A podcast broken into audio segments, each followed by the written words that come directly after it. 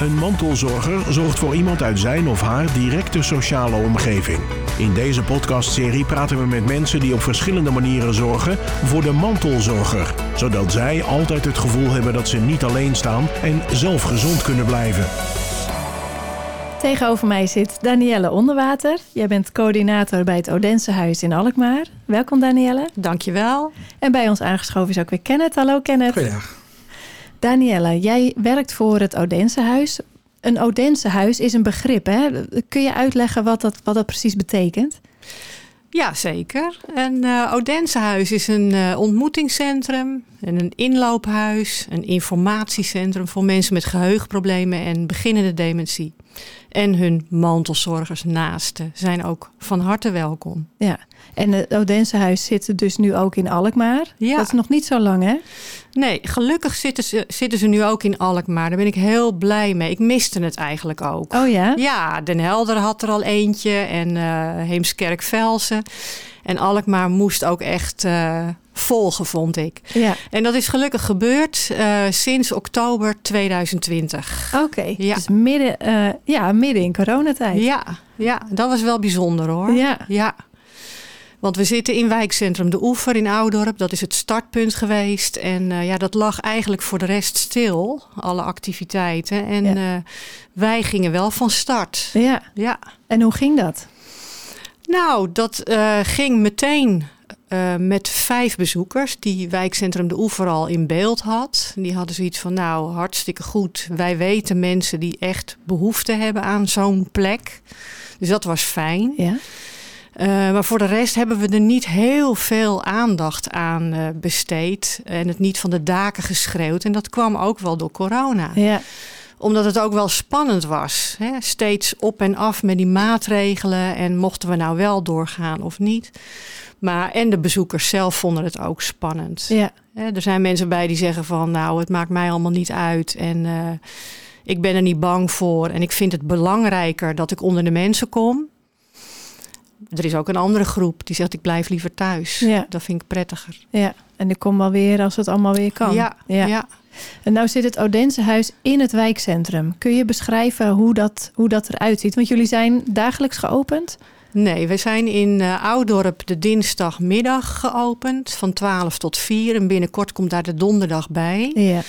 En uh, je moet je voorstellen, in, net als in zoveel wijkcentra heb je allerlei zalen. Ja. En dat zaaltje is gewoon uh, kaal.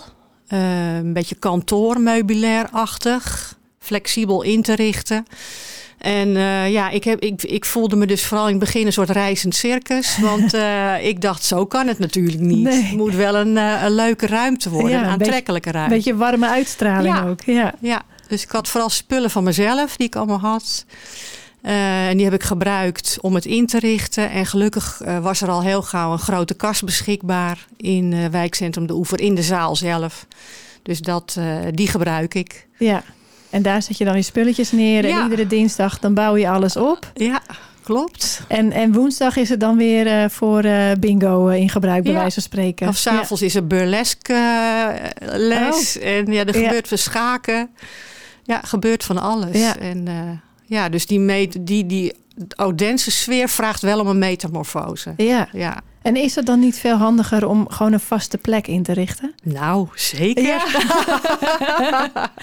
en waarom is dat nog niet? Ja, dat is ook wel een wens. Ja. ja uh, kijk, Wijkcentrum de Oever die heeft gewoon uh, ontzettend stoer een voorstel ingediend destijds bij de gemeente. Van nou, wij denken dat we een goed project hebben. Ja. En uh, wij doen graag mee aan de proeftuinen, de Alkmaarse proeftuinen. Dus ja, dit, je moet dit ook wel zien als een soort experimenterende fase nog. Ja. Dus we kijken, is er behoefte aan?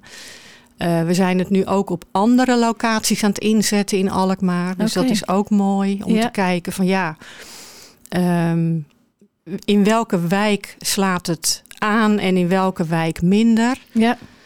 Dus uh, inmiddels zitten we ook in uh, Hoefplan. Oké. Okay. Mare Nostrum gaat aanstaande maandag open. En met wijkcentrum over die zijn we ook al in vergevorderd stadium. Dus die gaan ook binnenkort van start. Ja, en ja. ook eigenlijk allemaal met een soort van pop-up Odense huisjes. Ja. ja, ja. wat goed. Ja. En je zei aan het begin, hè, van eindelijk ook in Alkmaar. Eh, Waarom is het zo nodig om een Odensehuis in, in Alkmaar te starten? Nou, ik vind het zo mooi dat er ehm, ook voor de mensen die eh, nog maar net eh, merken van ik heb last van geheugenproblemen of ik heb eh, beginnende dementie of alleen nog maar het, het gevoel van er klopt iets niet. dan komt er zoveel op je af. En dan merk ik dat er zo'n behoefte is om daar met andere mensen over te praten. Ehm, en tegelijk ook het niet zo zwaar te maken van, oh jee, nou houdt mijn leven toch min of meer op. Ja, Ehm, dus het is ook heel belangrijk, merk ik, om samen te blijven kijken van hoe hou je die kwaliteit van leven nou zo hoog en goed mogelijk. ja. En eh, als mensen dan naar het Odensehuis toe gaan, moeten ze van tevoren een afspraak maken of kunnen ze gewoon binnenlopen? Nou, dat heeft met corona ook te maken. Ja. Dat afspraak maken doen we op dit moment wel. Maar Ja. normaal gesproken is, hoeft dat niet. Nee, is het een inloophuis. Nou, stel je, je komt dan binnen. Eh, Wat, wat kunnen bezoekers dan verwachten? Nou, wat ze kunnen verwachten is in ieder geval een warm welkom. We zijn altijd heel blij als mensen komen. En eh, gelijk een sfeer die dat ook uitademt. Dus dat heeft met, met het interieur te maken, maar ook een geurend soepje. Oh ja, Zelfgemaakte soep en eh, een gezellig muziekje. Dus dat hoor ik ook altijd terug. Want je denkt van, nou ja, goed, dat is toch heel gewoon. Maar ik hoor dat altijd terug. Wat Ja. is het hier gezellig? ja, En ik voel me welkom. Ja. Dus dat. En ehm, ja, wat we eigenlijk in de middag doen, is waar de mensen zin in hebben. En natuurlijk stroomlijnen we wel dat wel een beetje door eh, informatie op te halen bij de bezoekers in de loop der tijd. Van waar houdt iemand van? Wat zou iemand graag willen doen? En zo organiseer je ook een programma. ja. Maar het is nadrukkelijk geen dagbesteding. Nee, dat wou ik zeggen. Want je kan wel een programma organiseren, maar het is met name inloop. Juist. Ja, Ja, maar met dat programma laten we wel zien de variatie van wat gebeurt hier zo al. En eh, kan ik ook, eh, ik noem dat altijd uitblinkers eh, regelen. Dat zijn de vrijwilligers die ergens goed in zijn. oh ja. En die heel mooi met iemand samen uit het Odensehuis of met een groepje samen iets bijzonders gaan doen. En wat is dat dan? Nou ja, dan kan je denken aan een, een rondwandeling door de stad. Oh, Eh, en dat is dan ook bijvoorbeeld gekoppeld aan dat iemand, een bezoeker uit het Odensehuis, vroeger stadsgids is geweest. Door de dementie dat niet meer kan doen. En dan is het ontzettend leuk om uit Alkmaar, en die mensen zijn er gewoon, iemand te regelen die nu stadsgids is bijvoorbeeld. En die dat leuk vindt om die bezoeker het werk te laten doen wat hij deed. En daar alleen maar faciliterend in te zijn. ja. Dus, dus het is niet alleen dat jullie informatie aanbieden, maar jullie faciliteren ook verschillende Ja. eh, nou ja, activiteiten dus. Ja, absoluut. Ja. ja. En, en eh, nou, daar heb je je, je soepje op. Hè? En, en eh, is het ook een plek van, van ontmoeting? Dus niet alleen ontmoeting met, met de vrijwilligers die daar ter plekke zijn, maar ook met elkaar. Ja, zeker. Met elkaar. En ook mensen van buiten Ja. komen ook langs. Hè, die komen iets brengen of iets vertellen. Ehm, dus dat, dat vind ik ook heel belangrijk. Dat het, ondanks corona, maar dat het niet echt zo'n groepje is. Want dan krijg je zoiets van een beschermde diersoort, vind ik. ja. En dat moet het nadrukkelijk niet zijn. Ja. Dus het is ook belangrijk dat er gewoon interactie is. En ehm, ja, we kijken ook ter plekke, want vanmiddag is bijvoorbeeld ook Odensehuis. ja. Van eh, hoe is het weer? Wie zijn er? En wat gaan we doen? Eh, en vanmiddag was dat spontaan, we gaan naar het strand. Oh, Dus dan is er een vrijwilliger met een auto. En eh, er zijn een paar bezoekers die het heerlijk vinden om even lekker uit te waaien. En ergens een bakje koffie te doen. En dan gaan we dat dus doen. ja. En dan is het niet van nee, we gingen vanmiddag schilderen. dus zo is het niet. Nee, precies. Ja. Maar dat kun je nu natuurlijk alleen doen, omdat mensen zich aanmelden. Klopt. En ook omdat je weet wie, de, wie er komt en het is kleinschalig. Ja, En zodra het groeit, vraagt dat om meer organisatie. ja precies. En zal die spontaniteit er ook wat meer uitgaan. Dat, eh, dat is waar. dat, is, ja. dat is nu nog de charme van, eh, van coronatijd, moet je zo maar zeggen. Ja, absoluut. Ja. Eh, en ehm, ik bedacht me net nog iets dat ik dacht, oh ja. Ehm, want je, je komt dan het Odensehuis in en dan ehm, eh, is er dus ook een heel, een heel programma. Er is van alles, van alles te doen. Nou kom ik niet meer op mijn vraag. in ieder geval, ehm, eh, wat kunnen mantelzorgers verwachten in het, uh, in het Odense Nou, wat ik merk aan mantelzorgers is dat ze het over het algemeen fijn vinden om met elkaar ervaringen te delen.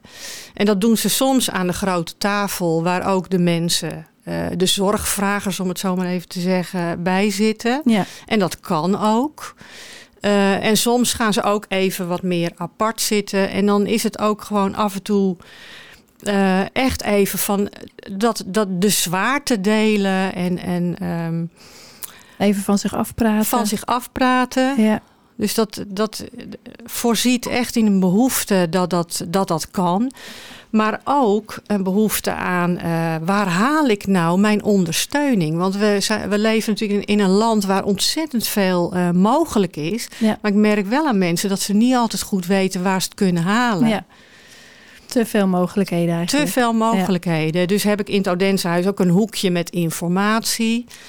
Uh, en dat gaat over logeerhuiszorg, uh, maar ook Wonen Plus hè, met vrijwilligersondersteuning. Uh, mantelzorgcentrum. Mantelzorgcentrum, klopt. ja, dus dat, dat is ook belangrijk. Ja. Want die behoefte is er duidelijk ook. Ja. Komen dan ook wel eens mantelzorgers zonder hun zorgvrager? Ja. Ja, en het, het, het ja, opvallende vind ik ook wel dat uh, er is onlangs een bezoeker van het Odense Huis overleden. En uh, dat zijn partner blijft bij ons komen. Ja. Die vindt dat prettig. En die heeft zoiets van: ja, het zou voor mij heel raar zijn om nu abrupt niet meer te komen. Mag ik blijven komen? Ja. ja, dat mag. Ja. En er zit ook geen, geen einddatum aan. Nee. Dat is, dat is voor die persoon zelf te bepalen. Ja. Ja. Ja, dus en zo maken we wel wat meer zijstapjes ook hoor. Want ik had ook een mevrouw die in het begin zich aanmeldde als vrijwilliger in de rol van gastvrouw. En die draaide een middagje mee. Toen dacht ik van nou, je bent een topper, maar je bent niet wat ik zoek in die rol. Ja. En toen ben ik het gesprek aangegaan. Toen zei ze ja, en ik wil toch wel heel graag blijven komen. Nou, dan blijf je toch komen. En dat is gewoon iemand uit de wijk. En uh, die, het, die het fijn vindt om bij ons aan te sluiten. En dat ja, is meer uit eenzaamheidsbestrijding dan dat er een link, directe link is met dementie of geheugenproblemen. Nou, dan heb ik ook zoiets, oké, okay, prima. Ja, precies. Want die vindt hier eigenlijk uh, wat, wat ze zoekt. En dan is dit gewoon een mooie oplossing ja. voor die persoon. Ja. Want jij bent eh, coördinator, hè? dus jij stuurt ook de vrijwilligers aan. Jij werft ze ook, denk ik. Ja. Is het lastig om vrijwilligers te vinden voor de Odense Huis? Nee, helemaal niet. Nee? Nee, ik ben eerder uh, naastig op zoek naar bezoekers. Dat is nog wel een uitdaging. We worden nog niet zo goed gevonden als dat we zouden willen. Nee. Uh, dus ook met de verwijzers ben ik wel uh, heel erg ja, frequent in gesprek. En ook bijeenkomsten georganiseerd. Maar de vrijwilligers, dat is geweldig. Ja. Dat, ja, dat is alleen al uit het bestand van de oever. Kan ik zo putten van het wijkcentrum. Uh, maar in het Hoefplan zitten we bijvoorbeeld in de Alkenhorst. En daar wordt het Odense Huis door Wonen Plus georganiseerd. Ja, die hebben ook allemaal vrijwilligers die zich in willen zetten. Ja. Maar ik kan ook een oproepje doen bij de vrijwilligerscentrale. Die heet geloof ik nu anders. Maar... Ja. Dus dat kan ook. Ja. ja. dus daar heb je geen nee, gebrek aan. Is, nee, Waar, waar moet een vrijwilliger dan aan voldoen om in het Odenshuis te, te zijn? Nou, dat is een goede vraag. Want ik heb toevallig net nog een profiel uh, opgesteld voor die vrijwilliger in de rol van gastvrouw, gastheer. En um, ja, mensen denken vaak, ik moet verstand hebben van dementie of ervaring met dementie. Dat vind ik niet zo belangrijk. Nee. Nee, ik vind het belangrijk uh, dat je oprecht geïnteresseerd bent in een ander. En dat je goed kan kijken en luisteren naar een ander. En um, ja, dat je met goede zin komt. En dat je eigenlijk ervan uitgaat dat alles waar iemand zin in heeft, dat dat wel te regelen is. Hoe oh, dan ook. Ja, ja. Dus dat vind ik hele belangrijke eigenschappen. Ja. Ja. En, wat zijn nou de gekste? Je noemde net al even naar het strand. Hè? Maar wat, wat voor gekke dingen zouden mensen nog meer uh, of hebben misschien wel geregeld uh, via het Odense huis? Nou ja, het, we zijn ook, uh, er is ook een klein groepje naar de molen geweest, het Rode Hert.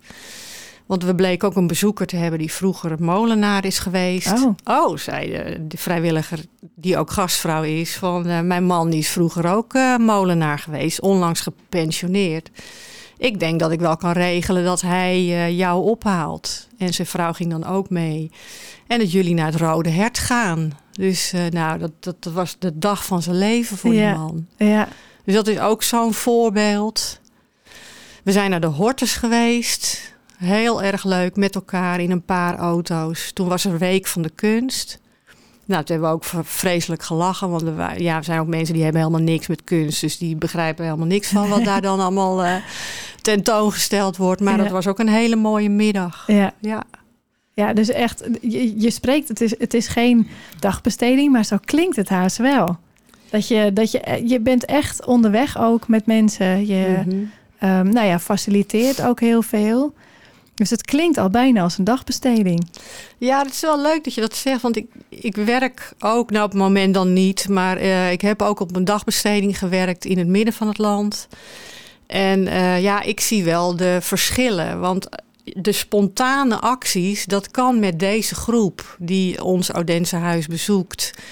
Uh, omdat ze veelal ook uh, mobiel zijn en omdat mensen het ook leuk vinden om in het moment te schakelen en wat anders te doen. Ja. Als mensen verder in het proces zitten van dementie, dan verandert dat. Ja. En als je dan uh, het programmaatje wat op het bord staat ter plekke wijzigt. Of denkt, nou jongens, het is mooi weer, we kunnen ook dit. Dan vinden, zijn er mensen die dat absoluut niet fijn vinden. Nee. Is, dat, is dat dan ook een doelgroep die uh, niet bij het Odense huis hoort?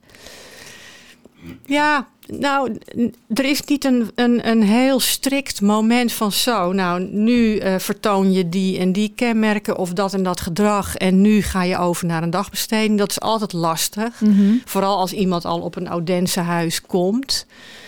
Maar je kan op een gegeven moment aan de persoon zelf merken dat het uh, ja, eerder een last wordt om te komen dan dat het iets bijdraagt. Ja. Dus dan krijgt iemand ook te veel last van uh, de reuring om hem of haar heen en meer behoefte aan structuur. Ja.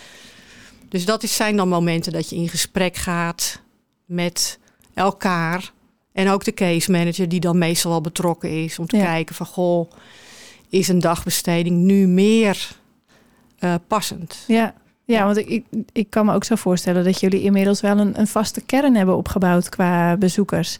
Dus dat je dan ook dat proces ja. steeds uh, ja. verder ziet vorderen. Ja, klopt. Ja, en er zijn dan wel een paar uitgangspunten die we in het Odense huis hebben, omdat we ook geen zorg bieden. He, dat is op een dagbesteding ook anders. Ja. Dan kun je ook mensen verwelkomen die wel wat zorg nodig hebben. En dat kan bij ons niet. Dus nee. dat is ook zo'n moment dat je zegt van ja, dit kunnen wij niet bieden. Nee, precies. Dus ja. dan hebben jullie eigenlijk gewoon een heel mooi kader ja. waarin je dat aan een bepaalde doelgroep kan bieden. Ja. En ik denk ook vooral mensen die er in het begin mee te maken hebben en eigenlijk niet weten wat ze overkomt. Ja, klopt. Ja, mooi. Ja. het is ook een plek waar mensen hun emoties uh, delen met elkaar. Ja. ja, en dat is ook het mooie van zo'n groep. Dat je, je maakt eigenlijk allemaal hetzelfde mee. Ja. ja. Waar komt het Odense huis vandaan? Nou ja, de stad Odense ligt in Denemarken. Ja. Daar is het initiatief uh, ontstaan. Omdat men daar ooit zag van... hé, hey, mensen met dementie lijken toch wel heel gauw... Uh, in een isolement te komen... en moeite hebben om uh, mee te blijven doen in de maatschappij. Ja. Laten we een, wij, of een huis in de wijk plaatsen, creëren... waar en de mensen uit de wijk en mensen met dementie, geheugenproblemen elkaar vinden en uh, ja, mooie dingen doen met elkaar. En, en is het dan alleen om mensen bij elkaar te brengen of heeft het ook positieve gevolgen op het verloop van de ziekte? Nou, ik weet niet of dat aangetoond is, dat het, dat het ook dat effect heeft. Mm -hmm. Maar ik kan het me zomaar voorstellen. Ja. Uh, wat het natuurlijk ook als positief effect heeft, is dat je, dat is wel aangetoond, dat je mensen zo lang mogelijk uit uh, voorzieningen als dagbesteding houdt. Ja. Want dat zijn uh, ten eerste ook hele dure voorzieningen. Hè. We hebben in Nederland natuurlijk op dat vlak ook wel een probleem met onze steeds groter wordende groep ouderen. Dus je kunt op deze manier die laagdrempelige voorziening uh, ja, heel mooi inzetten. En het is voor mensen ook fijner om. Uh, want dagbesteding heeft een hele andere lading. Dat merk ik ook. Ja. Ja. Ander ja. label. Precies, en dan wordt het eigenlijk alweer wat zwaarder. Ja dan het Odenshuis. Wat, wat dus eigenlijk ook echt die, die lichtheid uh, zo, uh, nou ja, daarin ook zo positief is natuurlijk. Ja, absoluut. Ja. Hoe ben je zelf bij het Odenshuis gekomen? Ja, goede vraag ook weer. Um, ik heb uh, nou zo'n vijf, zes jaar geleden omslag gemaakt in mijn loopbaan. Ik deed altijd HR-advieswerk. oh, dat is echt iets heel anders. Echt iets anders. Ik kom ook helemaal niet uit de zorg. Nee. En miste op een gegeven moment wat zingeving in mijn werk. En had daar echt wat meer behoefte aan. Dus toen heb ik een omslag gemaakt en heb dit vak uh, geleerd in het midden van het land, in, het, uh, in de regio Beeldhoven. En uh, nou, ik merkte daar dat ik het ontzettend mooi werk vond om in ontmoetingscentra te werken.